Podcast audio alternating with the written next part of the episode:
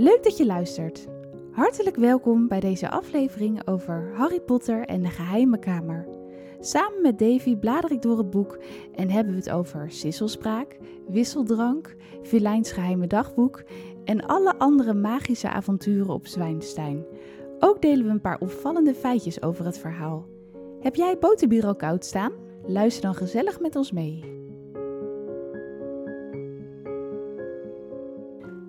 Nou, het wordt vanavond weer tijd voor de tweede Harry Potter special. En daarbij is natuurlijk Davy van de partij. Hallo. Hallo Dave. Jij hebt daar ook al het boek voor je liggen. Zeker. De Geheime Kamer. En um, ja, het is al een tijdje voor ons geleden dat we het boek hebben gelezen. Maar ja, dat wel. We hebben het zo vaak gelezen inmiddels, denk ik allebei, dat het uh, wel in ons geheugen zit. Ik wou net zeggen, ik ken het ook eigenlijk wel. Sommige dingen uit ons ja. hoofd, ja. Um, ja, de geheime kamer. Is het, is het een beetje qua dikte wel vergelijkbaar hè, met de stenen wijze, denk ik? Ja, ja, dit zijn allebei nog vrij dunne boekjes. Ja, klopt. Drie ook nog wel, maar daarna uh, vier en vijf zijn echt Gebeurt er ook veel meer, hè? In ja. die boeken. Ja. Ik zat er van, oh, als we dat in de podcast gaan bespreken, dan moeten we wel een beetje dingen eruit halen. Want dat zijn er wel echt uh, beetje veel dikkere verha ja. langere verhalen, inderdaad. Um, maar ja, De Geheime Kamer. Is het een van je favoriete boeken of had je juist wat minder met het boek? Of? Um, het is niet per se een van mijn favorieten. Uh, ik zie het een beetje als een soort tussenboek. Eigenlijk wel grappig, want het is een soort tussenboek, maar het is een opzetje voor deel 6 en 7. Um, wat eigenlijk alles wat hierin gebeurt, komt daar heel erg in terug. Ook met die gruzelementen en zo. Ja, precies. Dat, dat is natuurlijk een, inderdaad een, een uh, opzetje. Um, en er zit dus nog meer in het boek. Ja. En um, nou ja, dat maakt dat het een beetje een tussenboek is. En ik heb ook het gevoel dat ze het ook wel een beetje op die manier heeft geschreven.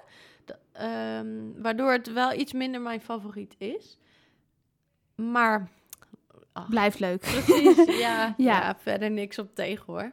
Nee, ik, ik had het inderdaad ook. Ik moet zeggen dat ik het toen ik het weer laat voor uh, nog een keer ging lezen, dat ik toen wel dacht, oh, het is eigenlijk wel echt een leuk boek. Mm -hmm. Het is nog best wel een, ja, net als deel 1 eigenlijk nog wel een beetje vrolijk. En er gebeuren best wel veel magische dingen met nieuwe wezens. Bijvoorbeeld uh, Dobby de huiself komt er voor het eerst ja. in. Dat je denkt, je gaat dan wat verder die tovenaarswereld ontdekken. Wat we eigenlijk ook al zeiden in de vorige podcast. De, uh, boek 1, De Steen der Wijze, gaat heel erg over het ontdekken van tovenaar aan zich hè, en zwijn zijn. En nu kom je dus ook een beetje meer te weten over ja, andere tovenaarsgezinnen. De Wemels, maar ook de Malvidussen. Maar dus ook bijvoorbeeld ja, de huiselfen. Ja. En alles meer een beetje daaromheen. Dus ja, dat, ik vond het toch nog wel weer leuk om te lezen. Maar ik snap wel dat mensen zoiets hebben van... ja, het is wel een leuk boek, maar het is niet zo als deel 4 of zo. Dat vond ik gewoon de plot gewoon veel sterker. Maar ja. Ja, nou ja, en deel 4 is denk ik ook leuk... omdat het eigenlijk een soort van zich naast de serie afspeelt. Om het zo even te zeggen. Want natuurlijk het, eigenlijk het hele verhaal gaat iedere keer over Voldemort en zo. En in deel 4 is dat toch een kleiner stukje. Ondanks ja. dat, hij natuurlijk, hè, dat het daar natuurlijk wel op doelt. En dat het begin is met die dooddoeners en weet ik het allemaal. Maar toch is ja. dat, dat toverschool uh, toernooi is daar zo buiten. Terwijl al die andere keren gaan al zijn gevechten eigenlijk altijd om gevechten ja. tegen Voldemort. En dit is de eerste keer dat hij eigenlijk vecht tegen andere dingen. Ja. Um, en, en dat, nou, dat is wel heel tof uit boek 4. Ja, klopt. Um, en in deel 2 um, ja, is, nou ja, is wel weer gevecht tegen Voldemort. Ja, ja, dat zeker. Het is wel weer net als in deel 1 op het einde goed, uh, goed gevecht in de geheime ja. kamer. Ja. En uh, ja, ik vond het begin ook altijd wel heel leuk dat je dan, uh, ja, dat Harry dan ja, op zijn kamer moet blijven. Want zijn oom en tante hebben dan die gasten en dat daar dan Dobby zit. En ik ben gewoon een hele grote fan van Dobby. Ja. Ik vind hem gewoon zo schattig en zielig tegelijk. En ja, hij wil Harry beschermen voor het kwaad op Zwijnstein. Maar ja, je weet niet wat dat kwaad is. En ja, hij, ja, hij brengt hem eigenlijk alleen maar verder in de problemen met zijn beschermpogingen, uh, Dobby. Ja. Uh, en ook gelijk de vliegende auto. Begint, er gebeurt best wel veel in de eerste paar hoofdstukken al. Nou ja, en het nest. En het nest ook ja, nog. Je, ja, je, je leert het nest kennen. En hoe, hoe Ron is opgegroeid en een tovenaarsgezin. Precies wat Superleuk. je zegt. Je leert wat Ja. meer over die, dat, die wereld buiten Zwijnstein. En, en nou ja, het begin is in het nest natuurlijk uh, daarover. En, ehm, en dat is, nou ja, ook dat is dan weer zo'n stukje. Net zoals dan in deel 1 dat je Zwijstein leert kennen. Dat je denkt, oh, die wereld, daar wil ik in. Ja, precies. En nu met het nest denk je ook, oh, Ik wil Was- daar ook op vakantie ja, eh, ook precies, logeren. Ja, Ja, echt zo leuk. Ja, echt schattig dat hij daar dan ook eindelijk een keer lekker eten krijgt van Molly Wemel. En dat hij dan lekker met, ja, bijna ze, ja, dat worden dan bijna broers voor hem, dat hij daarmee gaat optrekken. Ja, En dat is wel heel leuk. ja. En ehm, dat is nog wel een grappig feitje wat ik las over die auto. Want ze gaan dan ja, vliegen met de auto. Ik heb geen idee hoe ze dat in de film hebben gedaan. Maar het schijnt dus dat ze daar echt 14 auto's of zo voor hebben moeten vernielen. Ook op een gegeven moment gaan ze natuurlijk ook naar die Beukwilg vliegen op Zwijnstein. Iets verder in het boek. en het schijnt dus dat ze daar gewoon 14 auto's voor hebben laten crashen om die scène te laten lukken. maar hoe vet is het ook als je als 12-jarige dat kan spelen? Dat is wel gaaf in de Ja. film dan. Ja, en überhaupt dat je als 12-jarige blijkbaar kunt rijden. Ja, ja, precies. Dat, dat, gewoon, dat vond ik trouwens wel.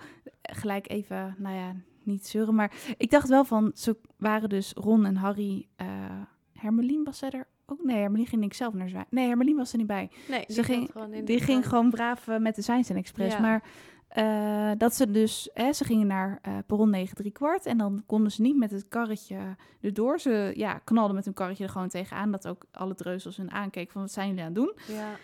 En toen gingen ze dus terug naar de auto om te vliegen naar Zwijnstein. Heel cool idee. Maar ik dacht echt, hoe moeten die ouders dan weer terug naar huis? Maar daar denken ze gewoon Ja. niet over na. Ze Nee. denken gewoon, eh fuck Nee. it. Nou ja, en dat is sowieso wel een klein stukje egoïsme van Harry, denk ik. Ja, Ook, nou ja, ook het stukje dat, dat Ron zegt... eh, Harry, als wij er niet doorheen kunnen... zouden dan mijn ouders misschien niet terug kunnen?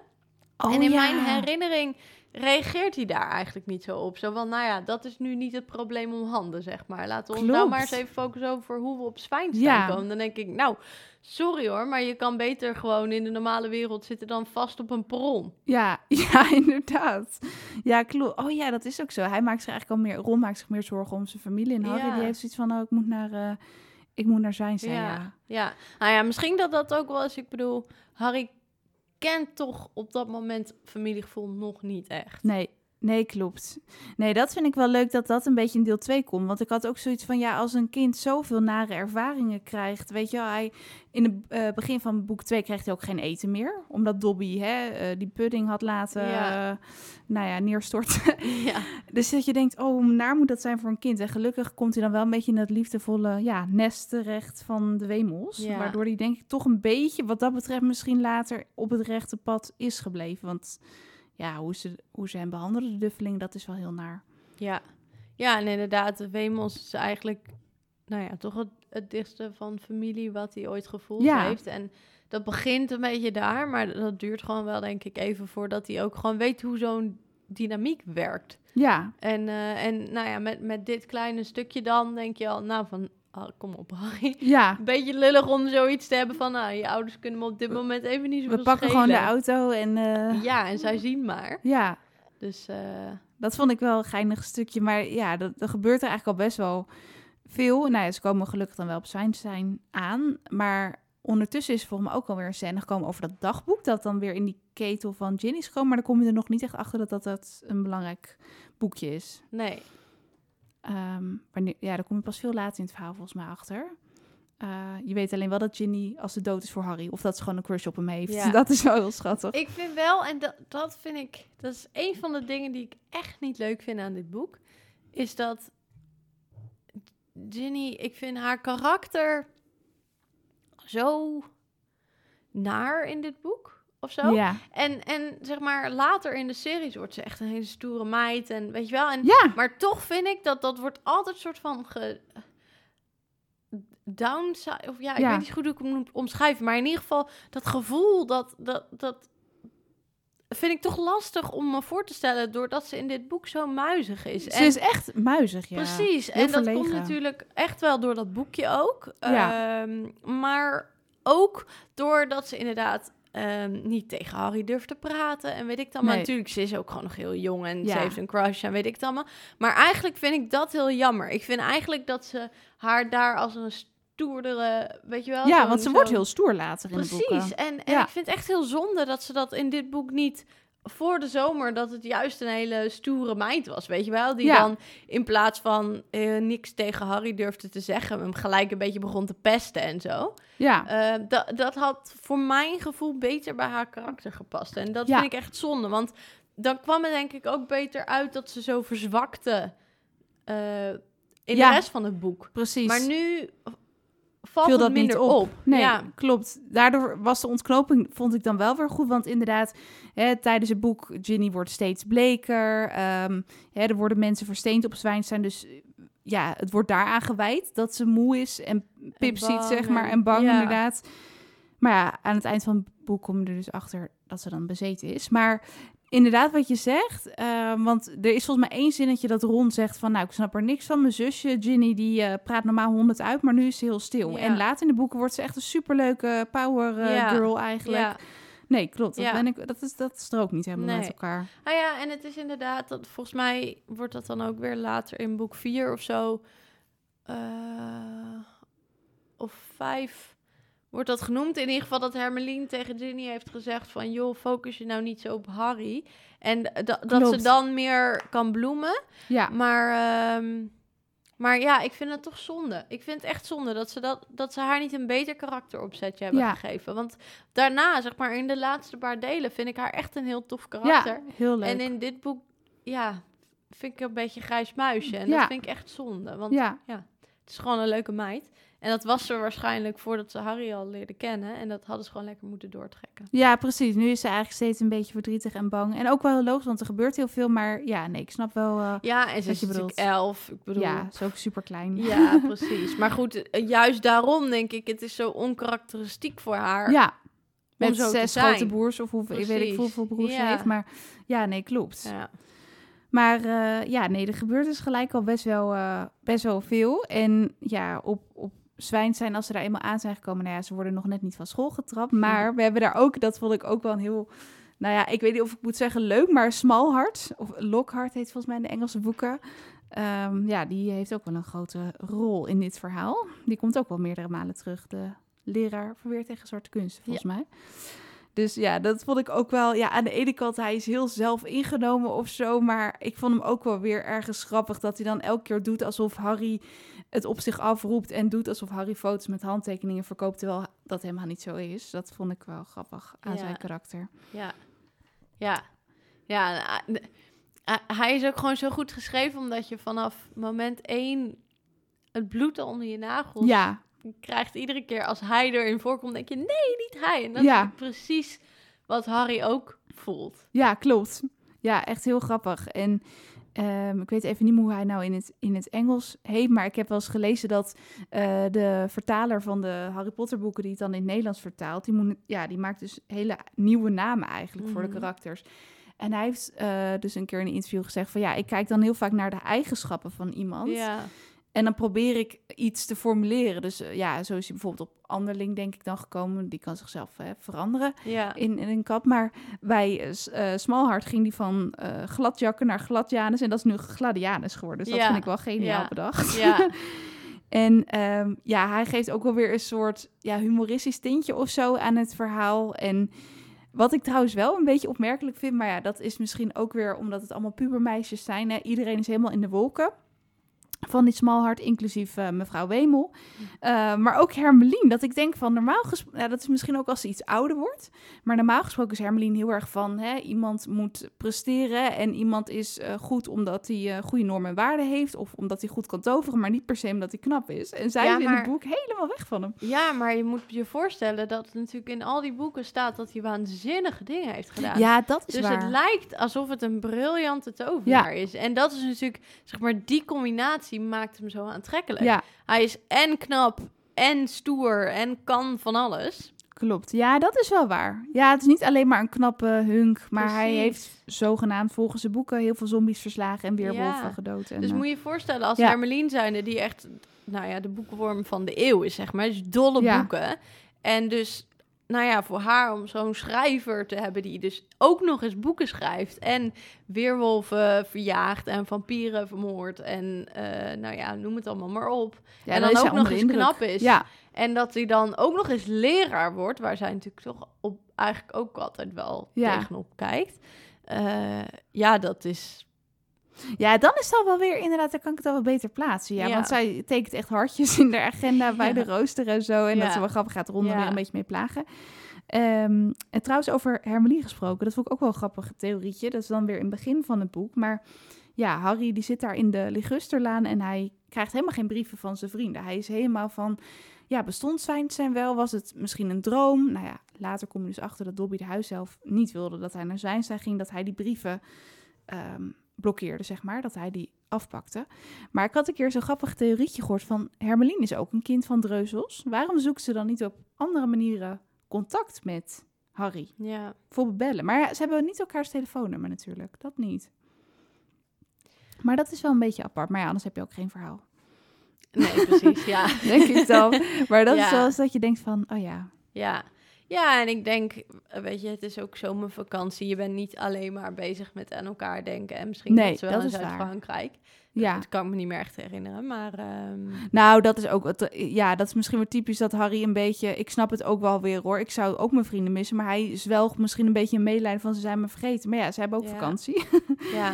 Dus en ik denk, ook, ja. Hermeline is het type die, ondanks dat bijvoorbeeld iemand slechte dingen heeft gedaan, is, zij zit altijd in iedereen het goede. Ja. En dus misschien dat er in haar ook wel een klein stemmetje zoiets had van, Harry haat de duffelingen en ze zijn vast niet vriendelijk tegen hem, maar zo erg kan het toch Kan niet het toch niet zijn. Precies, Nee. want niemand zit zo in elkaar. Tenminste, dat is volgens mij een beetje hoe zij denkt. ja. In ieder geval op het begin heel erg. Waar zij zoiets heeft van... Nee, jongens, hè, het valt allemaal wel mee. Mensen hebben echt niet altijd slechte bedoelingen. En zelfs de mensen die misschien heel gemeen zijn... Die, weet je wel, die eigenlijk stiekem hebben ze heus wat beste met je voor.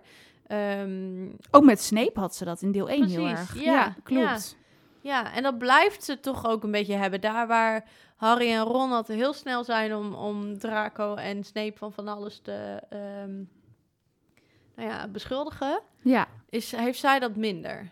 ja, Nou ja. dat is ook wel weer goed Oké, in haar. dit boek zegt ze wel dat het misschien een slim plan is om wisseldrank te Ja. brouwen om Draco te overhoren. Ja. Dus misschien wat minder... eh, Dat zegt ze, ja, we gaan 50 school... Dat is wel leuk, dat ze allemaal wat lakser wordt. Dat ze Ja. zegt van, we gaan 50 schoolregels overtreden, maar we moeten gewoon erachter komen. Want dan weet ze al van de geheime kamer, toch? Dan willen ze weten van Malfoy dus wie, eh, wie Ja. de opener is. zeg ja, maar. ja, ja, dan denken Ja. ze dat hij het is. Geniaal, wisseldrank. Ja, dat, vond, dat is ook wel een van mijn favoriete stukjes. Dat vond ik altijd wel heel leuk. Dat Ja. ze dat gaan brouwen op die, eh, op die meisjes. Ja. Ja. ja. Super grappig. ja. En met Jammer in. Jenny komt volgens mij voor het eerst in het boek Ja. voor, hè? Ja. Ja, die is ook wel goed bedacht. Ja. Op die wc's, ja. En ehm, het schijnt dus ook dat zij dus... Zij, ik weet niet hoe oud ze eruit ziet in de film, maar dat zij dus de oudste actrice is die ooit een Zwijnstein-leerling heeft gespeeld. Ja, ze was 36 of zo en ze moest iemand van 14 spelen. Ja, Maar ze is natuurlijk ook een spook en een beetje doorzichtig, dus dat kunnen ze Ja. dan wel... ja, nou ja... Ze ziet er ook wel wat ouder uit. Maar ik denk dat dat, dat, dat ook wat slim is van zo iemand kasten. Omdat ze natuurlijk een beetje... Ja, ze was niet echt populair. Was geen mooi Nee. meisje of zo. Eh, dus door een wat oudere vrouw te kasten... heb je wat meer, wat meer diepte ook in een gezicht, denk ik. Ja, Die dat uitstraalt. En ook omdat ze gewoon eigenlijk al heel oud was. het is ook al heel lang dood. Precies. Dus je wil ook eigenlijk dat die leeftijd wel in iemands gezicht speelt. Ehm, maar, maar dat ze nog wel kan doorgaan voor iemand van 14. Ja, ja, precies. En over spoken gesproken, dat viel me op toen ik het boek weer ging lezen. Je kan natuurlijk nooit alles in de film stoppen. Al vind ik dat ze eigenlijk met deel 2 nog best wel veel goede dingen wel in de film hebben gedaan. Dat ik niet dacht, ik mis echt iets. Nee. Maar ik vond wel ehm, leuke scène of eh, origineel met de, dat ze Ron, Harry en Hermeline gaan dan naar het sterfdagfeestje. Ja. Van een van die spoken, van Ja. De Henk. Super tof. Eh, maar dat zit dus niet in de film. Nee. Nee, dat is inderdaad zonde. Sowieso. Want dat soort, dat soort kleine dingetjes, die geven ook aan hoe Harry toch wel soort van banden schept. Want Ja. het- in, nou ja, in de films gaat het natuurlijk heel erg over eh, ehm, Ron en Hermeline. En dat is in het boeken natuurlijk ook zo. Ehm, maar in de films missen er zoveel karakters die in het boek wel heel erg spelen. Ehm, weet je, ook met, met Zwerkbal en Ja, eh, met, eh, eh, hoe heet het, ehm, eh, Dumbledore's Army en zo. ja, ja. dat, daar klopt. zitten allemaal personages in die ze in het boek niet, die ze in de film niet gebruiken. Nee, Wat echt zonde is, want, want daardoor mis je eigenlijk een hele hoop connecties die Harry wel degelijk heeft gelegd, waardoor je bepaalde dingen ook wat minder goed begrijpt. Tenminste, dat heb ik Ja. bijvoorbeeld. Nou ja, dat is pas in deel 6, dus daar gaan we dan wat dieper op in. ja, maar dat is wel zo, ja. Nou ja, en dat, dat Perkamentus wil dat hij die, die eh, gedachte krijgt van. Ehm, Ja. en, en het feit dat Harry heel goed mensen kan bespelen. Ja, En dat is ook wel een beetje de reden dat hij natuurlijk in, in misschien bij Zwadderich zou komen. En Ja. nou een beetje die link tussen hem en Voldemort. ja. Eh, en, en altijd met, hij doet het nooit met slechte gevoelens of zo. Eh, maar hij is wel heel goed in principe aan... aan- Onbewust, ja. Precies, aan het binden van mensen of in dit geval geesten. Ja, want dat maakt hem ook alweer een aan de ene kant sociale karakter. Dat hij ook weer naar dat feestje gaat. Terwijl Ja, hij ook aan een. Halloween-ding had Ja, kunnen zitten. Ja, ja. Ehm, en daar Ja. komt ook een stukje James in hem naar voren. Die Ja. loyaliteit, dat hij denkt, nou ja, ik wil eigenlijk naar Halloween. Maar ja, hè, eh, haast onthoofd hangt zo'n soort vriend. ja, Dus nou ja, dan ga je toch maar naar zijn feestje. ja, ja, dat vind ik wel heel leuk bedacht. En ik had ook gewoon nog nooit eerder gelezen over een sterfdagfeestje. Dus dat is wel heel grappig dat ze ook dat rottende eten hebben en zo. Weet je wel, om het extra smaak te geven voor de spoken. ja.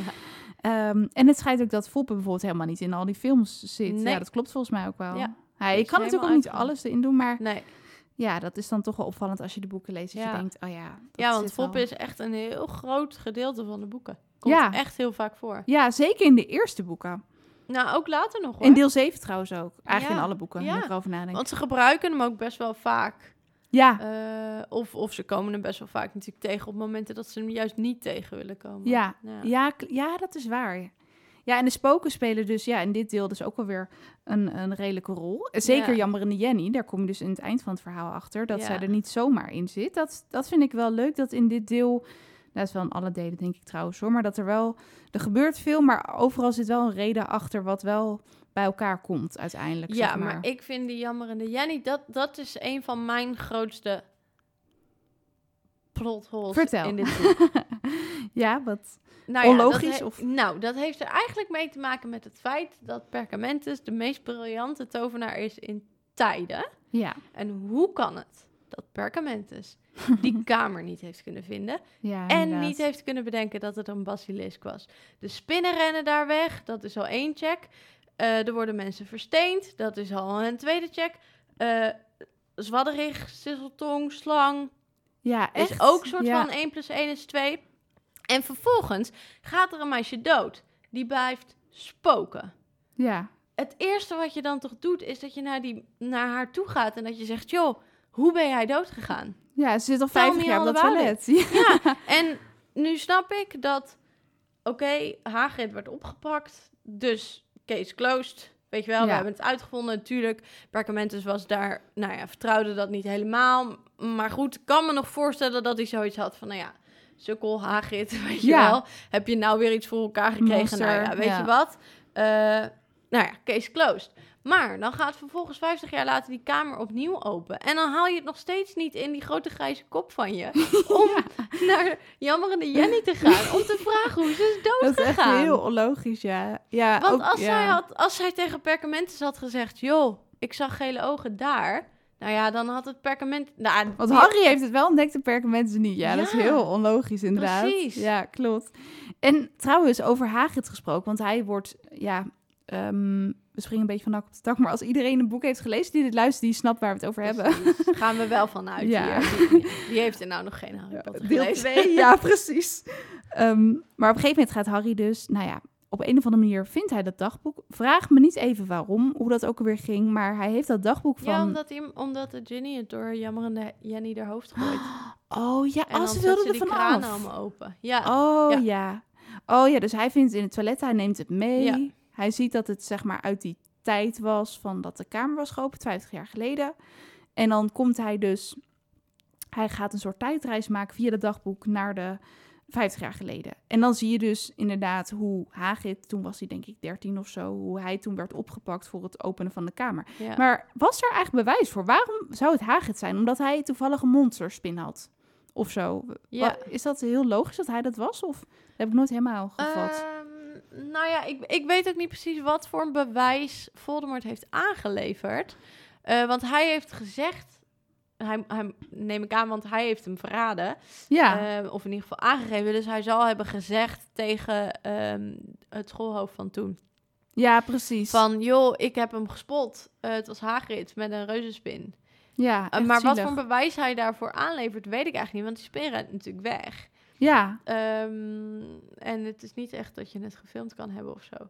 nee. Dus ik weet niet. Het enige wat ik me dan kan bedenken. Maar goed, dat is natuurlijk ook een beetje de plothole. ehm en, eh, die, we, die ook wel eens beschreven is in die Ja. filmpjes die we hebben gezien. Ja, Ehm, klopt. Over veritas en zo, dat ze dat allemaal niet altijd gebruiken. Ehm, en dat is hier denk ik ook, dat, dat ze zo iemand dan maar gewoon op zijn woord geloven. ja, ja. Maar misschien heeft hij wel iets van een herinnering afgegeven of zo. Dat hij zei, kijk, ik zag hier die reuzenspinnen rennen. en toen Ehm, ging die dood en daarom is hij het of zo. eh, ja, nee, nee, er ging toen niemand meer dood natuurlijk. Oh nee, want vijf jaar geleden is alleen dus de jammerende Jenny dood Ja, gegaan. ja. Ik weet ook niet, ik, eh, de, volgens mij wordt dat ook niet echt beschreven... of er in die tijd ook meerdere aanvallen zijn geweest. Nee. Want eh, was op, het, het wordt wel beschreven als de geheime kamer werd geopend... en uiteindelijk gebeurde er iets heel ergs, namelijk er ging iemand dood. Ja, Ehm, maar, maar er zit niet echt een tussenlijn in van wat er is gebeurd op het moment dat hij geopend is. Of, of die misschien ook alleen maar op heeft geschreven van de geheime kamer is geopend. Of dat er ook mensen versteend waren. Versteen. Ja, Want precies. als dat laatste het geval was, dan snap ik al helemaal niet dat Perkament niet eerder 1 plus toen 1 was hij ook gedaan. al op die school. Het was nog geen schoolhoofd, maar toen was hij wel docent. Precies. En Ja. wat ook wel vreemd is, aan de ene kant, op een gegeven moment eh, zitten ze dus in het heden even, zitten ze in de klas bij geschiedenis van de toverkunst volgens mij. Eh, bij die eh, professor Kist heet hij geloof ik. En die is, dan, die is dan geest. Maar die zegt dus dat de geheime kamer een mythe is en een legende. Terwijl het vijf jaar geleden, nou ja, wel gewoon geopend Ja, is. dat is waar. Daar heb ik nooit over nagedacht.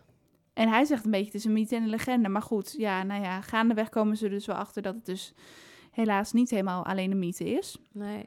Maar jij zei trouwens over Perkament dat het een beetje ja, onlogisch is, omdat hij echt zo'n genie is, dat hij niet eh, ja, heeft ontdekt dat het een basilisk is. Ja.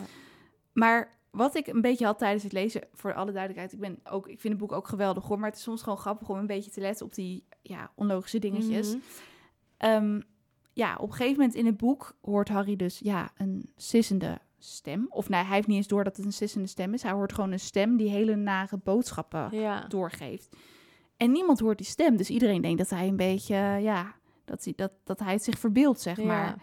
Maar later komen we dus achter dat dat de stem is van de eh, basilisk, zeg maar. Dat, maar ja, dat is, eh, Harry is dus een sisseltong, dus die verstaat eh, slangentaal. Maar niemand hoort dat gesis. Dat vind ik zo typisch. Dat ik denk van, ik snap dat je niet verstaat wat de slang zegt, maar je hoort toch wel gesis. Maar dat hoort dus ook niemand.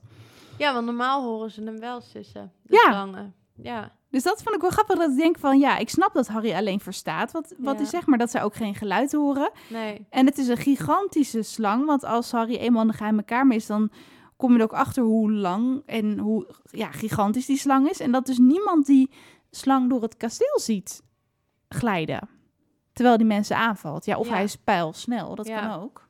Ja, en dat hij ook geen vieze slijk achterlaat en zo. Ja. Ja. precies. En dat hij dus ook niemand opeet. Hij kijkt ze aan en dan gaat hij weer weg. Ja, ja. Nee, ja, dat is inderdaad vreemd. En op het begin gebeurt het inderdaad dichtbij die opening en zo. Ja, Maar, eh, maar later gewoon over de school. En, en inderdaad, het feit dat hij door pijpen heen gaat, betekent niet dat hij ineens overal anders nog eruit kan. Want nee, oh ja, gaat natuurlijk door de pijpleiding inderdaad. ja. En ik vraag me ook af, want eh, eh, het idee is natuurlijk dat de deur naar de geheime kamer wordt geopend.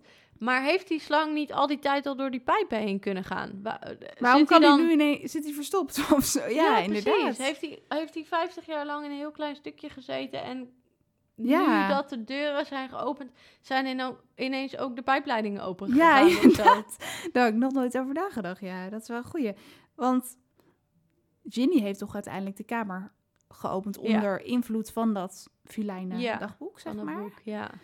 Ehm, je komt er dus ja, aan het eind van het verhaal dus achter dat zij helaas bezeten is door dat boek. En er gebeuren allemaal raadselachtige dingen. eh, versteend, eh, hè, mevrouw Norks wordt versteend, de kat. Ja. En meerdere mensen. Maar er worden ook teksten op de muren gekliederd volgens mij. En dat heeft Ginny dan helaas dus ook gedaan. En die Ja. haan wordt vermoord. Ja, Omdat een basilisk niet tegen hanen kan. ja. Maar inderdaad, dat dat ze ook op een gegeven moment zeggen van... eh, ja, dit is het einde van Zwijnstein. Er is een eh, leerling ontvoerd naar de geheime kamer. Haar gebeente ligt voor eeuwig in de kamer. Ja. Dat niemand dan wat doet. Ja, dan is Perkament wel weggestuurd door Lucius Malfides, moet ik zeggen. Ja. Dus Perkament is er niet. Maar dat je dan gewoon gaat zitten en niks doet. Ik snap dat echt niet. Nee. Nee, want inderdaad, er zitten zoveel leren. Waarom zeggen ze niet gewoon de helft van de leraren gaat op pad of zo? Ja. En ook dan, ik bedoel, oké, Perkament is de meest briljante tovenaar ever. Maar je hoeft niet eens de meest briljante tovenaar Nee. ever te zijn om te bedenken dat je net aan Jammer en de Jenny kan vragen. Dus Ja. er is gewoon geen enkele professor geweest die dacht: Goh, wij weten iemand die vermoord is door dat monster. Waarom gaan we niet een keer met haar praten nu er iemand is ontvoerd, zodat we haar kunnen redden? En dat Hagrid het niet weet is eigenlijk ook vreemd. Want Ron en Harry gaan dus op onderzoek uit in het verboden bos... nadat Hagrid is meegenomen naar Azkaban. hè. Mhm. Hij wordt ervan verdacht dat hij weer die kamer heeft geopend. En hij heeft gezegd, ja, volg de spinnen. Ja, Dus zij gaan het bos in en dan komen ze dus bij die Aragog. Mhm. Want Hagrid heeft hem dus 50 jaar geleden dan gekregen of zo, denk ik. Of ja, ik weet niet hoe dat is gegaan, maar hij heeft voor hem gezorgd al die Mhm. tijd. En eigenlijk vertelt Aragog aan Ron en Harry eh, dat dat meisje is overleden op een toilet. Dat Hagrid dat dan nooit bij. Misschien wist Hagrid het wel, maar werd hij niet geloofd. Dat kan natuurlijk wel. Toch is wel vreemd dat hij niet wist van jammerende Jenny... dat hij die link nooit heeft gelegd. Maar ja, ja, inderdaad. Maar ja Hagrid was al een beetje verdacht... dus misschien wilde niemand ook naar zijn ding luisteren. Ja, en Hagrid is een schatje, maar Hagrid Ja. is dan wel toch net een stukje minder briljant Ja, natuurlijk. precies. Ja, Ja. Die, die legt die link dan niet. misschien. Nee, dat denk ik ook niet. Nee, maar aan de andere kant, hij weet wel echt heel veel van, eh, hoe zeg je dat, de magische wezens natuurlijk. Ja. Dus aan de andere kant zou je ook wel weer denken, goh, jij bent inderdaad wel een logische, aangewezen persoon om te weten hoe wat. Ja, ja, precies. Ja, nee, daarom. Dus het feit dat ze, oké, het feit dat ze die opening niet kunnen vinden, mm, Allah. ja. Maar het feit dat ze er niet achter kunnen komen dat het een basilisk is, Ja, dat is echt raar. ja, dat snap ik echt niet. Dat snap ik echt niet. En hè, inderdaad, dat ze die opening niet kunnen vinden, dat ze er niet bedenken dat het die pijpen zijn, dat dat Hermeline is. Nou, dat is, weet je wel, dat is ook leuk voor het verhaal en dat Ja. snap ik.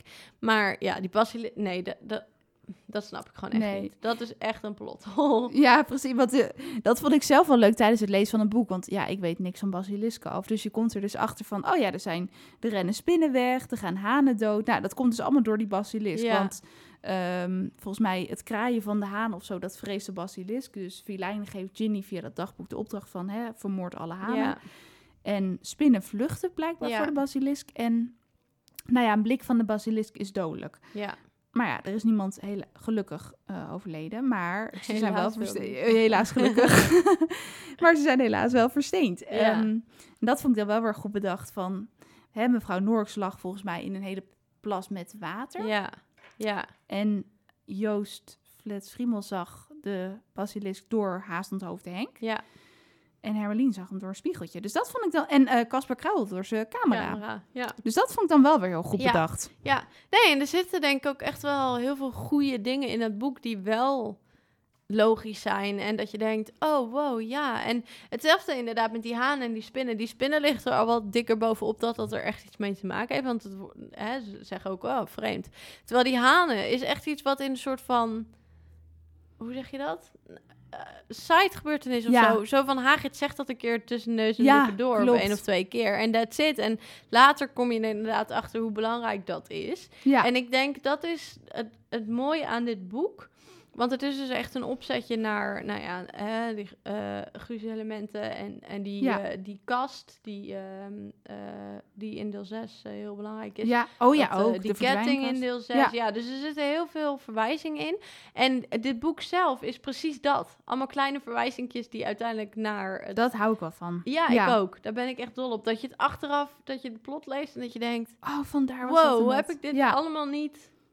Hoe heeft dit gewoon allemaal Ja. langs me heen kunnen gaan, Ja, zeg maar. Ik bedoel niet dat, de eerste keer dat ik dit las... dat ik zelf had kunnen bedenken dat het een basilisk was. maar wel dat je denkt... Wow, ik heb hier half overheen gelezen zonder dat ik wist dat dit belangrijk was. En dan wil je bijna nog een keer gaan lezen. Tenminste, Ja, ik wel. Dat ik ja. denk, oh ja, Ja, ja, klopt. ja. Dat is het leuke natuurlijk aan deze hele serie. Dat Ja. je iedere keer weer nieuwe dingen ontdekt. En ook wel vaker plotholes en zo ziet. Ja, Ehm, eh, maar dat het daardoor eigenlijk leuk blijft om ze te lezen. Want iedere keer wil je hem weer opnieuw analyseren. En dan heb je het uit en denk je, hè? Ja, wat, Hier ja. misties, of heb ik dit overgeslagen? Of, nou ja, ik weet niet. Ja, klopt. Dat had ik. Ik weet dat nog wel heel goed dat ik dat had bij dit boek. Dat ik dacht, oh ja, en Hermeline is zo slim, want die heeft alles opgelost. Ja. Want ja, die wordt dus versteend, maar dan vinden ze dat briefje Ja, eh, in haar hand met die aanwijzingen. ja. Ehm, en er gebeurt ook gewoon best wel veel. Ook dus dat ehm, je bent ook gewoon benieuwd, want Dobby, de huiself, eh, die wil Harry dus weg hebben van Zwijnstein. Maar ja, Harry is op Zwijnstein, maar hè, Dobby doet nog wel wat pogingen om hem weg te krijgen. Zo ook die dolle beuker. ja. Dus dat vond ik ook wel, eh, ja, weer spannend of zo. Ik, ja, ik heb het nu al zo vaak gelezen dat je ook weet hoe het afloopt, dat het Ja. niet echt meer spannend is, maar Nee. wel gewoon, ehm, ja, er gebeurt gewoon veel. En dat dan ook weer Smalhart zegt, hè, want Harry die wordt dus getroffen door die beuker. Volgens mij is zijn armen gebroken bij het zwerkballen. En dat Smalhart dan zegt, ja, ik, eh, ik lap hem wel even op. En dat Harry zegt, nee, nee, niet u, weet je wel. En Ja. dat hij zegt, ja, eh, hij weet niet eh, wat hij zegt. En nou ja, dat hij dan geen botten meer in zijn arm heeft, weet je wel. Dat je denkt, oh, die Smalhart, die bakt er eigenlijk gewoon helemaal niks van. Maar iedereen tuint er gewoon in met open ogen. Ja. Ja, nou ja alle Nou ja, meiden. En ook opnieuw daar zou je denken, perkamentus, waarom neem je zo iemand aan Ja. als al na een, nou ja, een week eigenlijk duidelijk is dat, dat hij helemaal niks kan? En waarom gelooft iedereen hem dat hij wel dingen kan als hij iedere keer mislukt? En dat is ook wel het leuke aan, aan hem, is dat hij volgens mij bijna zelf is gaan geloven dat hij al die dingen heeft gedaan. Omdat hij er zo, weet je wel, zo in zit in die verhalen. En hij heeft dat natuurlijk allemaal heel erg beschreven. En nou ja, het is bijna hetzelfde als dat je dit leest. Zeg maar de Harry Potter serie, dat je jezelf al helemaal in die wereld ziet. ja. Dat heeft hij volgens mij ook een beetje, dat hij dat allemaal geschreven Dus heeft. ik En dat hij heb ik echt gedaan. Precies, hij ja. heeft gewoon een wereld voor zichzelf gecreëerd. Dus hij denkt echt iedere keer als hij iets kan doen of zo, dat, dan gelooft hij er heilig in dat hij het ook kan. ja, dat dat ja, denk klopt. ik echt. En iedere keer, ook al mislukt het, dat, dat doet niks af aan zijn zelfvertrouwen Nee. of zo. Hij blijft gewoon die, nou ja, gladjanus. Ja, Die ja. gewoon denkt, ik kan alles, ik kan de hele wereld aan. En dat, dat, dat verliest hij nooit. Zelfs op het moment dat hij, nou ja, dat er iets misgaat, dat die armen er niet meer zijn. Of dat, Dat hij oh, zoiets doet heeft toch geen pijn nou ja, meer? Of ze zijn niet meer gebroken? Ja. Het kan gebeuren, weet je wel. Ja. Zelfs de beste tovenaars maken wel eens een foutje. Nou ja, ik ook, weet je wel. Ja. Zo werkt het gewoon, that's life. Maar dat hij nooit een keer aan zichzelf begint te twijfelen of zo, dat Van, heeft hij gewoon oeh. niet. Nee, nee, klopt. Ook met dat duelleren, dat vond ik ook een geniale scène. Dat ze dan krijgen ze duel, eh dueer, duelleerles Ja. van eh, Snape en Smalhart. En Snape die denkt, oh god, eh, daar heb je die Smalhart weer. Ik ga hem wel even wat laten zien. En Smalhart die zegt van, nou ja, dan gaan ze dus... Dat vind ik trouwens wel leuk. Gaan ze voor het eerst ook Expelliarmus leren. Dat Ja. komt natuurlijk heel veel ja, zo'n signature spreuk. Ja, ja, precies. Maar dat, eh, ehm, dat ze dus ook gaan pareren of zo met die toverstokken. En dat Snape valt dan een beetje te vroeg aan. En Smalhart die vliegt door de lucht, die laat zijn toverstok vallen. En dat, eh, dat hij zegt, nou Snape, dat was wel heel doorzichtig. Maar eh, doe maar gewoon wat ik doe. En zegt Harry, wat moet ik doen? Dan mijn stok laten vallen, weet je wel. Dat vond ik wel een leuke Ja. scène. En dan, eh, dat is ook wel leuk aan deel 2, dat ze... Op zich deden ze dat in deel 1 ook al wel, maar vooral in de film dat ze veel meer gaan toveren. ja. Vooral Harry, dat hij veel meer spreuken gaat gebruiken. Nou, in het boek ook wel hoor. In het boek ook, hè? Ja. Ja. Precies. En dat ze echt eh, ja, gaan ontwapenen en Ja. zo. Ja, en ze, ze le- leren nu echt. En ik denk, dat is natuurlijk ook gewoon omdat ze wat ouder worden. En ze hebben gewoon wat meer verschillende spreuken geleerd. Maar, maar ik denk ook dat ze in de lessen ook echt meer mogen oefenen. Daar waar ze misschien aan het begin, in het eerste jaar of zo, wat meer gewoon met je toverstok. Je moet hem leren kennen. Je moet Ja. leren hoe je moet bewegen. Beginners. Ja. Precies. Je krijgt toch wat meer waarschijnlijk theorielessen over hoe je bepaalde dingen aanpakt. En ik denk, naarmate ze natuurlijk meer spreuken leren en meer dingen onder de knie krijgen en meer vertrouwen hebben en lastigere dingen leren, gaan ze gewoon steeds meer spreuken gebruiken door de boeken heen. En Ook wel logisch eigenlijk. Ja. precies. Ja. Ja. ja, klopt. Ja, dat is wel leuk. Dus ik vond eigenlijk deel 2 een beetje hetzelfde gevoel hebben nog wel van deel 1. Maar ehm, ja, deel 1 is nog iets meer mijn favoriet dan deel 2, Ja. dat wel. Ehm, maar ja, dat is natuurlijk ook moeilijk tegen op te boksen. Want deel 1 ga je die hele tovenaarswereld Ja. ontdekken. Ja. Ehm, maar dat vind ik wel, dat daar nog wel veel luchtige Britse humor in zit in deel Ja. 2. Ook met die Smallheart en met die Ja. Fred en George Ja. leer je een beetje kennen. Ja. Ehm, ja, en ja, ze gaan toch die wisseldrank ook brouwen. Dus ze worden ook al wel weer wat, eh, ja, hoe zeg je dat? Ehm, wat opstandiger of zo. Ja. Ze gaan meer op eigen houtje al dingen doen. Ja. Eh, dus dat vind ik ook wel heel leuk dat ze dan Malfides gaan ondervragen. Ja, en ik denk dat het ook echt achteraf, zeg maar, de- tijdens het lezen dat dit boek misschien een van de minste is, maar aan het einde van de serie, als je ze Ja. allemaal gelezen hebt, dat je pas begrijpt hoe belangrijk dit boek is geweest. En Ja. dat het eigenlijk een briljant boek is. En dat het zelfs een soort van Klopt. gevoel geeft dat ze eerst boek 1 heeft gegeven, toen boek 2, toen boek 6 en deel 7. En dat ze toen die middelste stukken Ja. of zo heeft geschreven. Want deel 2 en deel 6 en 7, eh, dat, dat past zo in elkaar. Ja, Ehm, Klopt. en die andere delen, nou ja, die, die passen er ook zeker in. En, maar, maar dat is gewoon, nou ja, ik blijf het zeggen, opzetboek. Om, om te zorgen dat, dat de rest strakjes allemaal logisch is. want heb jij dat dan voornamelijk vanwege de gruzelementen? Of zie jij nog meer dingen van dat sluit heel... Of dat is een heel mooi opzetje voor deel 6, zeg maar. Ehm, er zijn er nog meer. Ik, ik weet even zo snel niet nog meer. Maar in ieder geval die kasten inderdaad eh, Ja. zitten erin natuurlijk. En dat eh, amulet. Eh, nou ja, inderdaad Ja. de gruze elementen. Ehm, wat zit er nog meer in? Nou ja, ik denk ook wel dat stukje loyaliteit van Harry richting Perkamentus. Wat in boek Ja, 2 heel duidelijk wordt. En dan daarna weer een beetje langzaam afvlakt. Omdat Perkamentus ook gewoon wat minder... Nou ja, aandacht aan hem besteedt. ja, minder in beeld In vijf ook. natuurlijk al helemaal, maar in vier Ja. eigenlijk ook niet echt. En in drie eigenlijk ook niet echt. Dus pas in zes, als, zij, als hij die privéles krijgt van Perkamentus... en ze gaan in Ja, Voldemort's eh, verleden duiken... Dan, dan bloeit die band weer heel erg op. ja. En, en daarom lijkt het heel erg alsof deel 2... of deel 6 eigenlijk een vervolg is op deel 2... Ehm, is Ja. dat die band in deel 2 heel duidelijk van... joh, het kan me allemaal niet schelen. Ik vertrouw 100.000 procent op Perkamentus. En ik weet zeker dat ook al zit alles tegen... dat hij zorgt dat ik, weet je wel, dat ik beschermd word.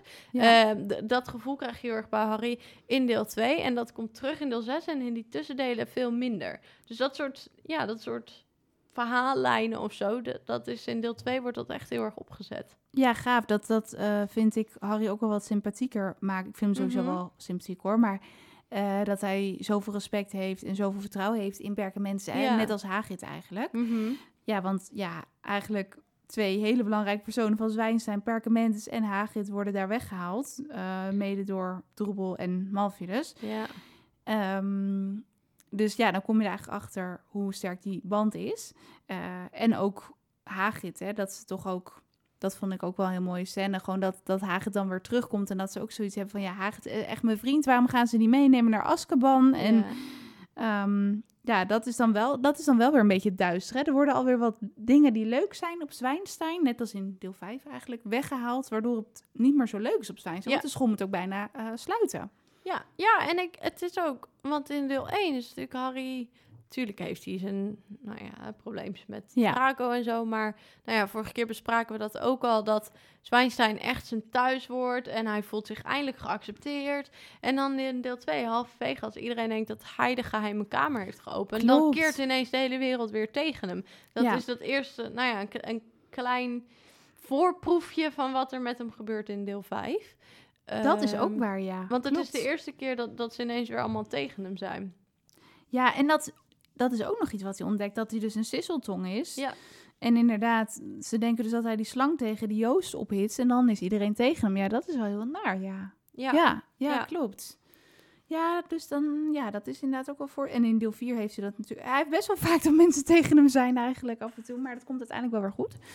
Ja, Ehm, dat is eigenlijk wel weer geinig, want...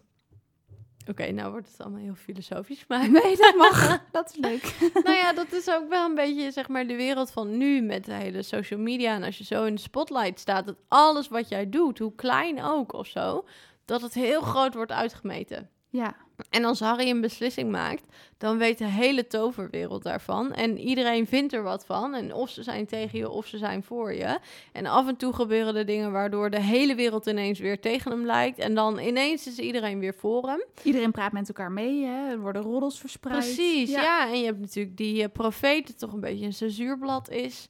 Ja. Ehm, ja, dus ja, dat is gewoon toch een beetje, nou ja, wat ik zeg, heel erg vergelijkbaar met, met nu. Heel menselijk. Ja, Ja. ja, en, en mensen in de spotlights, dat die gewoon altijd... Ja, het is of allemaal goed of allemaal slecht. ja, Ja, klopt. Ja, dat heeft Harry ook wel, want hij is natuurlijk echt super bekend. En ehm, gelukkig heeft hij wel, volgens mij is deel 2, zit ik te denken, heeft hij helemaal geen ruzie met Ron en Hermeline. Want in de andere boeken heeft hij ofwel soms ruzie met Ron of Hermeline. En in deel 2 volgens mij helemaal niet. Dus dat is dan wel fijn. Kan ik me niet zo Of misschien vergeet ik nu een scène die heel belangrijk is. Maar Ja, in elk geval nee. heeft hij die. In elk geval, ja, die heeft hij altijd wel achter zich staan. Maar volgens mij wordt er in dit deel wel weinig gekibbeld. Ja, Dus dat is wel fijn dat hij Ja. echt eh, die beste vrienden heeft. ja. Ehm, en hij heeft dus ook echt die bewonderaar, die Casper Krauwel. Ik weet Ja. even niet hoe die in het Engels heet, maar met die camera, dat vind ik ook wel heel schattig. Ja. En daar is hij soms dan wel weer een beetje gemeen tegen. Maar ik snap ook wel dat je daar soms helemaal gek van wordt, hoor. ja, maar dat vind ik sowieso... eh, Hij is, als hij eenmaal je vriend is, is hij echt ontzettend loyaal. Ja, Maar hij kan ook echt wel heel onaardig uit de hoek komen. Ja. Absoluut. Ja, en Ron heeft dat ook. En Hermelien is af en toe een beetje pinnig, maar over het algemeen is zij echt heel vriendelijk tegen iedereen en alles. Ja, Precies, maar, maar die twee mannen, die kunnen er echt wel wat van. Die zijn niet altijd heel vriendelijk. nee, een beetje botte, botte Ja, boeren af en toe. Absoluut, Ja, ja. ja. klopt. Wat ik trouwens wel... eh volgens mij was dat ook in de YouTube-filmpjes van die eh, Murphy, zeg maar, over Harry Potter. Dat ze zei van... ehm, ja, Harry, of vooral Ron, is wel echt, blijkt door deel 2 wel echt een Gryffindor te zijn. Omdat hij gewoon zoveel lef toont. Ja, Hij is gewoon, eh, hij is doodsbang voor spinnen. Dat is echt zijn grootste angst. En op een gegeven moment gaan ze, hè, ze zijn 12 jaar, gaan ze s'avonds midden in de nacht, gaan ze bos in naar gigantische monsters spinnen. Om, ja, uiteindelijk, ja, dan is Hermeline volgens mij nog niet versteend, toch? Of wel? Eh, Oh, jawel, dan is ze wel al ja. versteend. Dus het is eigenlijk met het achterliggende gedachte om Hermeline ook te redden. Ja, Dus uit die gedachte eh, gaat hij zijn grootste angst voorbij en gaat hij toch naar die spinnen. Dus dan denk ik, ja, hij toont wel heel veel lef. En ze gaan zo die geheime kamer in. Ja. Eh, wel met Smallheart, maar ja, daar hebben ze Ja. niet zoveel aan. ja, en dan moet hij natuurlijk zijn zusje redden. Dus dan en dan, ja, dat is ook waar, inderdaad.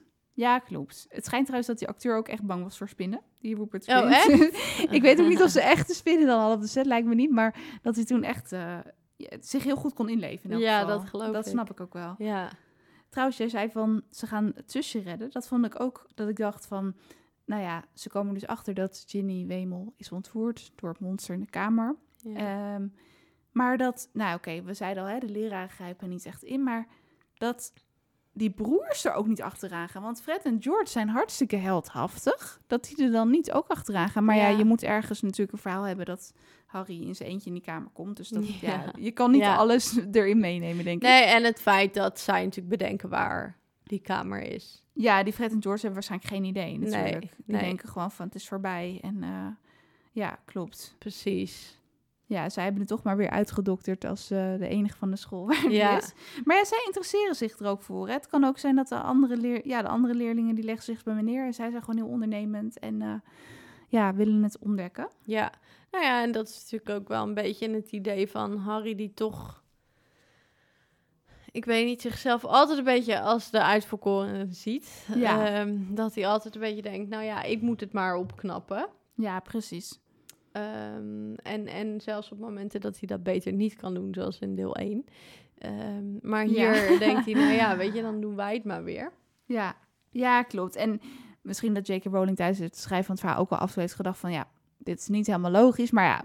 Weet je, ik wil gewoon dat Harry en Ron het doen. Ze zijn twaalf en het is gewoon cool als zij het doen. Dus dat moet ook gewoon kunnen in een verhaal. Maar het is gewoon soms grappig om erbij stil te staan van... eigenlijk is dit helemaal niet zo logisch.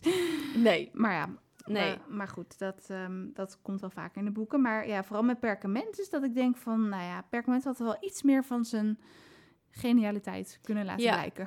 Ja, nee, dat klopt. Dat is een beetje eh, zonde. Maar goed, snap ik ook wel weer eh, precies wat je zegt. Ja. Dat was gewoon hoe het boek geschreven moest Ja. worden. En ook het feit hè, dat Harry oog in oog staat weer met Voldemort. En ja. dat hij dat eerste gruzelement kapot maakt. Ja, dat, ik snap dat dat heel erg het idee was van het boek. En dat ze daar gewoon naartoe heeft gewerkt. En het maakt ook niet minder leuk om te lezen, vond ik, of zo. Nee, Nee, nee. Zeker als kind had ik dat niet zo door, die Nee. eh. Maar, Nee, ehm, dat sowieso niet. Dit keer merkte ik echt wel dat ik me steeds meer realiseerde Ja, toen ik het las van...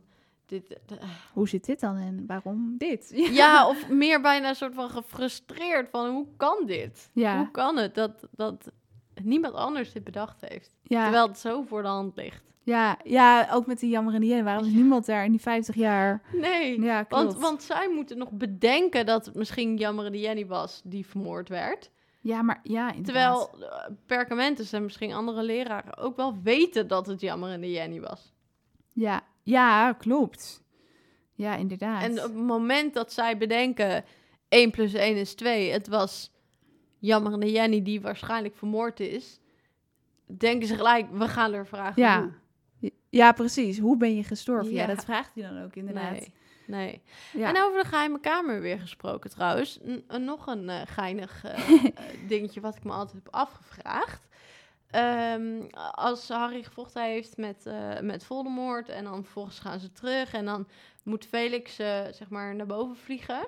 ja, Maar hoe zijn Voldemort en Ginny al die tijd dan uit die kamer gekomen? Oh ja. Ja, inderdaad.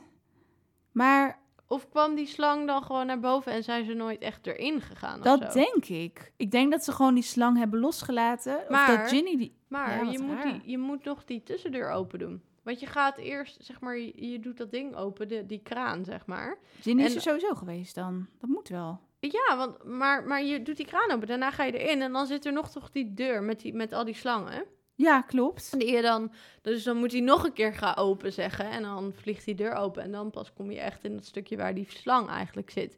Dus het is niet genoeg om alleen maar bij de kraan te zeggen ga open en dan wachten totdat de slang komt. Want er zit nog een deur tussen. Hoe kon Ginny überhaupt sisselspraak? Of is dat onderdeel van de bezetenheid? Ja, dat is onderdeel van de bezetenheid. Oh, ja. maar, maar hoe zij dan omhoog kwam iedere keer, dat vraag ik me echt af. En, Ja. en Voldemort idem dito. Nou, was Voldemort zat in zijn zevende jaar, dus ik kan me voorstellen dat hij zichzelf wel kon optillen of zo. Ja, want hij is er Ehm, natuurlijk vijf jaar geleden ook gewoon geweest in levende Ja, lijven. ja, ja. Daarom, dus hoe zijn zij die kamer dan Wow. steeds uitgekomen? Nooit over nagedacht. Zit misschien nog ergens een trappetje of zo die ze gemist hebben? ja, inderdaad. Ja, want hij heeft hem natuurlijk toen geopend. Ja, Dat vind ik trouwens wel... Hij heet dan in het Engels Tom Riddle. Heeft hij nog een tweede naam? Die weet Mhm. ik even niet meer. Ehm, maar dat betekent dan I am Voldemort. Of in elk geval als je die letters omhusselt, Mhm. krijg je I am Voldemort. Eh, maar in het Nederlands is het Martin Asmodom Vilijn. En dan, eh, als je dat omhusselt, wordt het Mijn naam is Voldemort. Ja. Maar daar heeft hij vertalen, dat zei hij ook in een interview, daar heeft hij zo lang op gedacht. Ik denk ook, hoe ja. moet je daarop komen? Maar het is gewoon wel heel goed bedacht. Martin Asmodom Vilijn. Het is zo anders dan in het Engels. ja, echt compleet anders. Maar het zijn ook hele andere letters inderdaad die je nodig hebt. Ja, Alleen het jammere van die naam is wel dat ehm, eh, later, d- hè, hij heeft natuurlijk zijn naam veranderd, omdat, zegt hij, eh, dat hij er zo'n hekel aan heeft dat Ja. hij zo'n veel voorkomende naam Ja. heeft. Maar Martin. Martin is niet echt een heel... er zijn zoveel Martin zegt dat ik denk, eh, ja, bij Tom of, of Bob of zo snap ik dat. ja, of. Maarten. Ja. Had er nog ergens een extra A tussen kunnen plakken of zo. Maar Martin, ja, nee, klopt. Ja, dat is wel een beetje. Ja, hij heeft heel weinig letterlijk vertaald. Hij heeft echt heel veel dingen gewoon helemaal zelf bedacht. Ja, Eh, ja, maar goed. ja. de- ik snap met deze, je moest hier iets Ja. mee. En, en dan is het wel, ja, dan vind ik dan nog wel geestig bedacht. Als ja, achternaam. Ja. Ja, want dat klinkt ook wel, ja, wel iets wat bij hem past, zeg Ja. maar. Ja. klopt. Want dan, ik weet niet meer hoe dat nou in, in beeld komt. Of dat ook in het boek is. Ik denk het wel. Maar dat hij dan op een gegeven moment... Hè, Harry heeft natuurlijk niet door dat eh Vilijn dat dat Voldemort is. Die denkt gewoon dat dat, ja, dat is, hé, dat is mijn maatje. Die komt me redden. Maar dan komt er dus achter dat dat wel Voldemort is. Maar dan schrijft hij volgens mij ergens zijn naam of zo, toch? Van Ja. mij, of ik weet Ja. het niet. En dan denkt hij, oh shit, het is Voldemort. Ja. Ehm, maar gelukkig komt Felix, de Phoenix Fox, komt hem redden. Ja. De hero. en dat is waar heel veel mensen kritiek op hebben. Dat hij heel veel voordelen heeft. Maar ja, weet je, dat mag ook wel gewoon. Maar dat dus Phoenix hem komt redden. Met de hoed en het zwaard. En met de genezende tranen.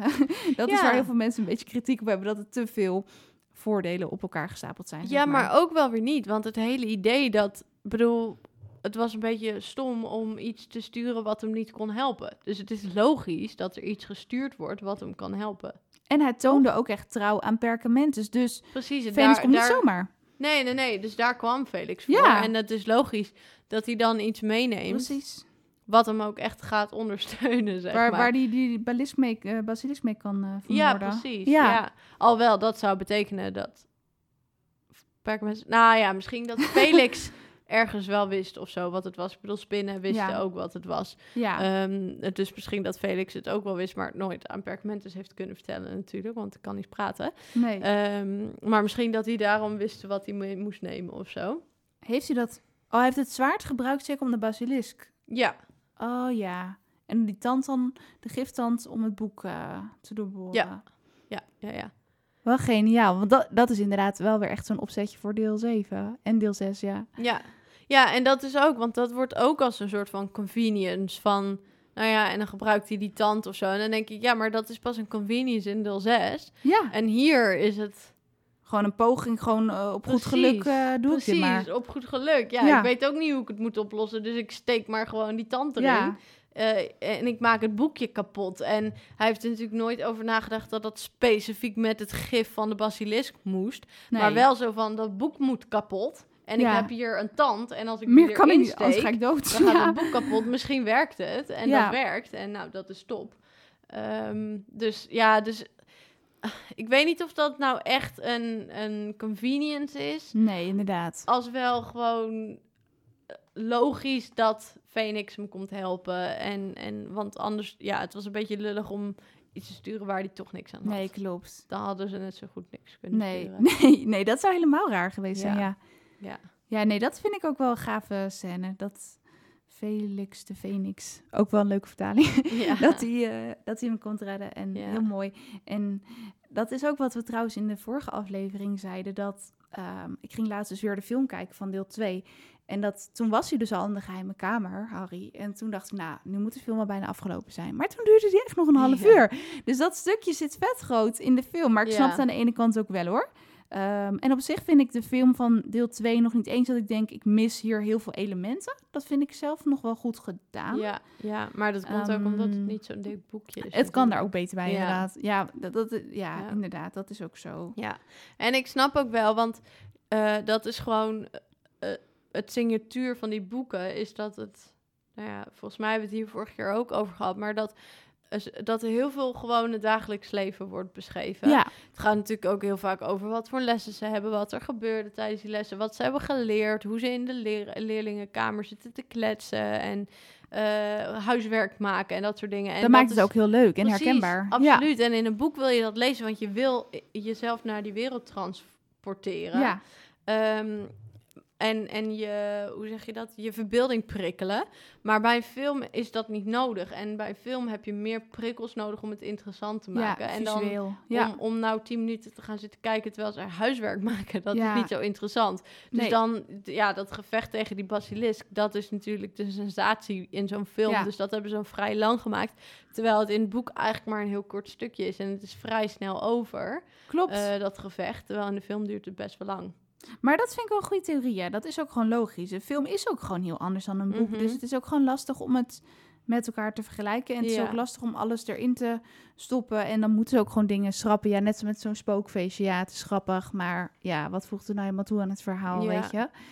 Ehm, dat viel me trouwens wel op. Dat er best wel veel lugubere dingen ook gebeuren. Ook met dat verstenen. Dat ze gewoon die versteende kat dan tegenkomen na dat eh, spookfeest. Volgens mij, ik weet niet of ze dan ook echt opgehangen is aan de staart of zo. Maar Ja. ze, ze bungelt daar echt. Dat ik denk, als je dit als kind leest, is dat best wel griezelig. En ook Mhm. met die spinnen en die basilisk. Ja. En ja, nou ja, er gebeuren best wel ehm angstaanjagende dingen, Ja, vond ik. absoluut. Viel En het is nog op. best wel luchtig geschreven, deze. Maar inderdaad, het is allemaal best wel heftig. Het is eigenlijk bijna net zo donker als de laatste delen. Alleen goed, die zijn gewoon wat donkerder geschreven ook. Ehm. Dit is echt wat lichtvoetiger nog Mhm. geschreven. Ja. Ja, ja, dat Ja. is wel echt leuk. En, en je, je ziet iemand versteend, maar, maar daar gaat ze vrij snel overheen, zeg maar. Dat, dat wordt niet in heel veel detail bes- beschreven. nee, Ehm, nee dat, dat valt wel mee. Nee, klopt. En ja, Hermelien wordt dan natuurlijk versteend. Maar dat, misschien ligt dat aan mij. Maar ik vond dat ze dat in de film wel heel goed hadden gedaan. Van, hè, ze is hun beste vriendin. Dus Ron en Harry zijn helemaal van... "Ah, versteend, Ja. wat erg. Maar in het boek vond ik dat niet echt heel erg overkomen. Maar misschien was dat omdat ze heel erg gedreven waren... om die oplossing te vinden. Om haar weer tot leven te wekken. Dat kan natuurlijk ook. ja.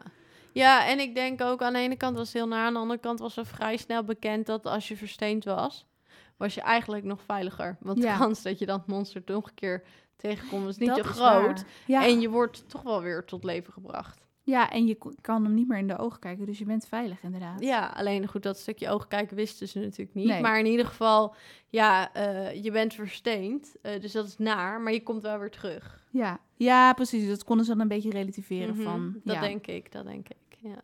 Ja, wel, ja. Wel, lijkt me... Ik probeerde het wel eens voor te stellen van versteend. Hoe zou dat dan...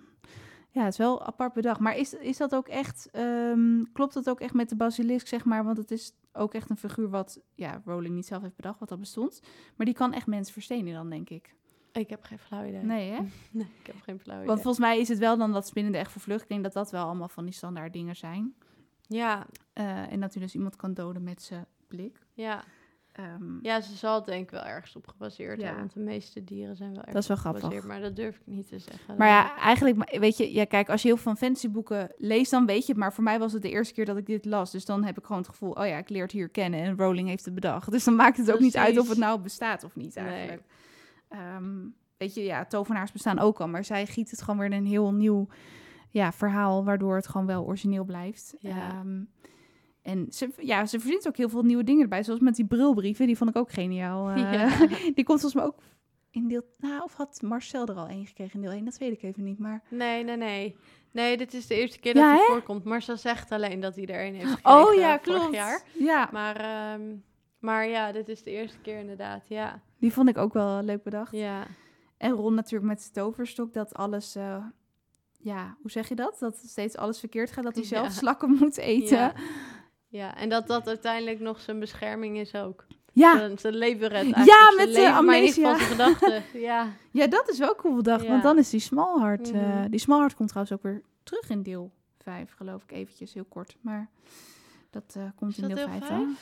Of in elk geval, dan Ja, zit hij in zo'n eh, ja. inrichting. Mhm. Ja, ja, ja, als ze meneer sneu. Wemel opzoeken. Dat gun ik ja. hem dan ook weer net niet of zo. Ik weet niet. Vond ik dan wel weer sneu. Maar ja, hij wilde twee kindjes eh, het ge geheugen ontnemen. Dat is ook wel sneu. Ja, hij was niet echt een vriendelijk persoon. Nee, en hij eigenlijk was niet. eigenlijk best wel happy in dat gesticht. Dus Ja. ja, precies. Ja, hij had wel alle tijd voor zijn fanmail. Ja. Ja, Ja. klopt. Ja, dat is Ja. waar. En ehm, ja, heb jij nog iets dat je denkt van... Nou, dat moet ik echt even kwijt over deel 2. Dit zit me nog dwars. Of dit vond ik zo'n geweldig stukje. nee, ik denk dat ik mijn, eh, meest, mijn grootste dwarsligger wel besproken heb. Leuk. Ja, ik ook wel. Ja, het is... ehm, ja, ik denk dat we het allebei wel gewoon een heel leuk boek vinden. Maar dat we wel gewoon veel puntjes hadden dat we dachten... Oh ja, dat, ja, dat, dat kan ook anders. Maar dat vind ik ook juist wel weer leuk eraan of zo. Dat je het nog een keer gaat lezen en dat je denkt... Oh, huh, waarom is dat zo bedacht? Of, Precies. En waarschijnlijk Ja. de eerste keer dat ik dit boek las, keek ik er echt niet zo nee. naar. Het komt gewoon omdat we het ook al heel vaak gelezen Ja, hebben. precies. Eh, en ik vind het soms ook wel weer leuk om de eh, boeken met de films te vergelijken. Ook al kan dat niet altijd natuurlijk. Maar ik vind deel 2 de film nog best wel ja, een hele goede weergave eigenlijk van het boek, moet ik zeggen. Ja. Zeker. En het schijnt trouwens, dat hoorde ik gisteren even iets heel anders, dat J.K. Rowling weer een nieuw boek gaat uitbrengen. In november, volgens mij. In deze serie. Nou, dus dat niet. Ze Oh. zei al heel duidelijk van... eh, nee, het wordt niks met tovenarij. Nee. Het eh, is een kinderboek. Maar ik ben wel heel benieuwd. Ik zou het wel willen lezen, want ik ben wel heel benieuwd wat zij dan anders schrijft dan Harry Potter. Want ik ken eigenlijk niks van haar andere Nou, ze boeken. heeft wel andere boeken geschreven. Ja, toch? Ja. Daarom, maar ik heb eigenlijk altijd alleen Harry Potter Ja. gelezen. Maar stiekem hoopte ik wel van, oeh, misschien is het toch iets met heks en tovenaars. Ja. Maar ze zei van niet. Maar ja, ze blijft dus wel gewoon schrijven. Dat is wel Ja. tof. Ja, nou ja, voor het geld hoeft ze het in ieder geval niet meer te Eh, doen. nee, klopt. Maar Alles gaat naar de stichting, En het lijkt me ook lastig om nog een keer zo'n wereld te kunnen creëren. Ja. Want dit is zo... Hoe zeg je dat? Alles is beschreven, zeg maar. Die Ja. hele wereld is uitgedacht. Zo erg dat, nou ja... eh, dat je bijna het gevoel hebt dat je erin leeft. Je kan er echt in het kan bestaan. Ja. Precies. En dat lijkt me heel lastig om opnieuw zo'n hele wereld in Ja. elkaar te zetten. Want ik denk, als je zo'n enorme fantasie hebt losgelaten... en ik zou, als ik denk ik J.K. Rowling was... zou ik helemaal in die wereld zelf zitten. Ik weet niet of ik er nog, nog iets Ook anders het over had. de kinderen of zo van Harry Potter iets schrijven. Maar misschien is ze daar een beetje klaar mee hoor, dat kan. Ja, dat heeft Ja. ze natuurlijk ook al een keer gedaan. Ja, dat heeft ze ook al gedaan. Ja. Ja. ja, Nee, en ik snap... Nou ja, ik snap dat ze die wereld... dat ze iets anders wil... maar het lijkt mij heel moeilijk om iets anders te bedenken. Ja, hè? Ik, ik denk dat je toch heel vaak terugvalt op die wereld of zo. Ja, precies. Ja, inderdaad. Want ze heeft daar gewoon, nou, ik wil zeggen zeven boeken, maar eigenlijk nog meer boeken heeft ze daar gewoon in Mhm. geschreven. Ja, Ehm, maar ik vind haar schrijfstijl wel gewoon heel fijn. Dus ik ben toch wel benieuwd hoe dan een kinderboek van haar Ja. eh, gaat zijn. Ja. Maar ik, ja, ik dacht in november, dus ik ga het wel even in de gaten houden. Dus dat is wel leuk. Ehm, ja, en wij hebben nou ja, genoeg materiaal de komende tijd voor alle podcasts. Hebben nog heel boeken te gaan. Ehm, dus ja, ik denk dat we nu wel deel 2 aardig besproken hebben. Ehm, al onze theorieën en enthousiasme dingen, enthousiaste dingen over de boeken, maar ook wat minder puntjes. Maar Ehm, ja, laat ook vooral weten als jullie trouwens nog dingen hebben van, waarvan je denkt van dat vond ik een heel goed stukje. Of ik vond dat een heel opvallend stukje. Dat vinden we ook altijd leuk. Of als je misschien iets hebt over deel 3, want dat wordt natuurlijk ons volgende. Als je daar iets hebt van, hey, dat is interessant, dan kunnen we dat misschien ook wel bespreken. Dat zou wel heel leuk zijn. De gevangene van Azkaban is dat, hè? Ja. Nou, Dave, heel erg bedankt voor je komst. Heel gezellig dat je er was. Wij gaan denk ik nog even lekker gezellig doorborrelen uh, en babbelen over Harry Potter. En dan uh, heel graag tot de volgende keer.